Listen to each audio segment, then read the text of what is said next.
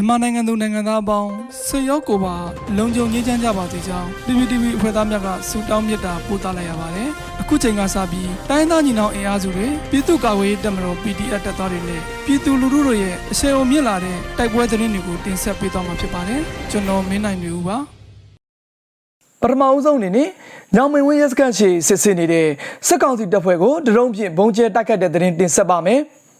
စကိုင်းတိုင်းစကိုင်းမြို့နယ်ညောင်မင်ဝင်းရဲစခန်းရှိတွင်လမ်းတော်လမ်းလာအများပြည်သူများကိုစစ်ဆေးနေတဲ့အကြမ်းဖက်စစ်ကောင်စီတပ်ဖွဲ့ကိုယမန်နေ့ဇူလိုင်လ28ရက်ညနေ4နာရီကဒရုန်းဖြင့်ဘုံကျဲတိုက်ခတ်ရာ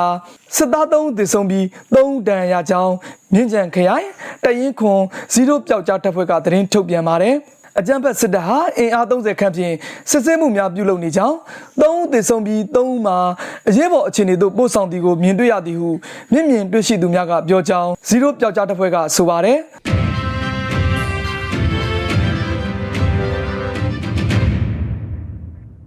ဆက်လက်ပြီးပခုတ်ကူအရှိဖုံးကန်ရာတွင်တက်ဆွဲထားတဲ့စစ်တပ်ပြစ်ခတ်တိုက်ခတ်ခံရပြီးစစ်သား9ဦးတက်မင်းသေဆုံးတဲ့တဲ့ရင်တင်ဆက်ပါမယ်။ မကွေတိုင်းပခုတ်ကူမြို့နယ်အရှိဖုံးကန်ကြီးရွာတွင်တက်ဆွဲထားတဲ့အကြမ်းဖက်စစ်တပ်ကိုဒေသခံကာကွယ်တပ်များကဇူလိုင်လ28ရက်နေ့ညနေ9:00နာရီကျော်ခန့်တွင်ဝင်ရောက်တိုက်ခတ်ခဲ့ပြီးစစ်သား9ဦးတက်မင်းသေဆုံးကြောင်း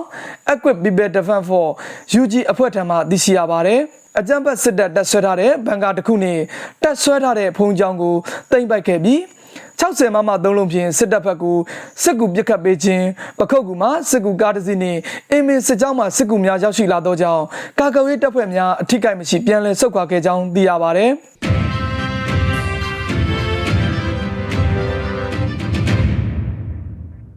တန်အောင်ကြီးမြို့နယ်တွင်စစ်ကောင်စီရင်နှန်းကို KNN ပူးပေါင်းတပ်မိုင်းဆွဲပစ်ခတ်တိုက်ခတ်၍စစ်ကားနှစ်စီးပျက်စီးပြီးစစ်သား10ဦးတက်မင်းတေဆုံးတဲ့တဲ့ရင်ဆက်လက်တင်ဆက်ပါမယ်။ KN ပြည်နယ်တန်အောင်ကြီးမြို့နယ်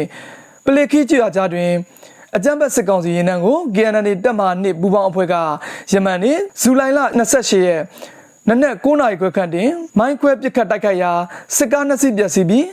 စစ်သား10ဦးတက်မင်းတေဆုံးကြောင်းသတင်းရရှိပါသည်။ မိုင်းခွဲပစ်ခတ်ပြီးနောက်အကြမ်းဖက်စစ်တပ်ဘက်မှစစ်ကူများထက်ရောက်လာကြောင်းအနီးဝန်းကျင်သို့လက်နက်ကြီးများဖြင့်ပစ်ခတ်ကြောင်း KNN သတင်းရင်းမြစ်ထံမှသိရပါဗျ။တောင်ငူတန်တောင်တန်တောင်ကြီးကားလမ်းတွင်အကြမ်းဖက်စစ်တပ်၏စကန်ကုန်းများရှိပြီးတိုက်ပွဲဖြစ်ပွားရာတန်တောင်ပလီခီတန်တောင်ကြီးကားလမ်းပေါ်တွင်စစ်တပ်ခြေကုပ်စကန်၅ခုခန့်တည်ရှိနေတာပါ။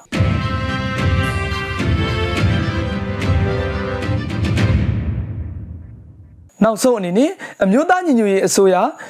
ပြည်ထောင်စုနဲ့လူဝင်မှုကြီးကြပ်ရေးဝန်ဌာနက2022ခုဇူလိုင်လ29ရက်ရက်စွဲနဲ့ထုတ်ပြန်တဲ့ပြည်သူ့ခုခံတော်လှန်စစ်တရင်အချက်လက်တွေကိုတင်ဆက်ပေးသွားမှာပါအာနာသိန်းအကြမ်းဖက်စစ်အုပ်စု၏ပြည်သူလူထုအပေါ်အကြမ်းဖက်ပြီးနေဖမ်းဆီးတိုက်ခိုက်တပ်ဖြတ်နေမှုများကိုပြည်သူလူထုတရက်လုံးကအသက်ရှင်တန်ရေးအတက်မိမိကိုယ်ကိုမိမိခုခံကာကွယ်ပိုင်ခွင့်အရာပြည်သူခုခံစစ် People Defense War ကိုဆွေးနွေးလျက်ရှိပါတယ်။တရင်အချက်လက်များအရ 28ရက်9လ2022ခု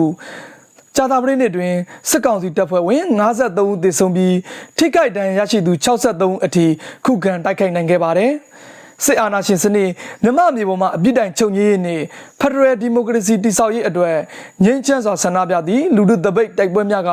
ပြည်내နှင့်တိုင်းဒေသကြီးများမှာဖြစ်ပွားပေါ်ပေါက်လျက်ရှိပါတယ်။မြေပြင်မှာယခုတွေ့ရှိရတဲ့သတင်းအချက်အလက်များထက်ပို၍ဖြစ်ပွားနိုင်ပါတယ်ခင်ဗျာ။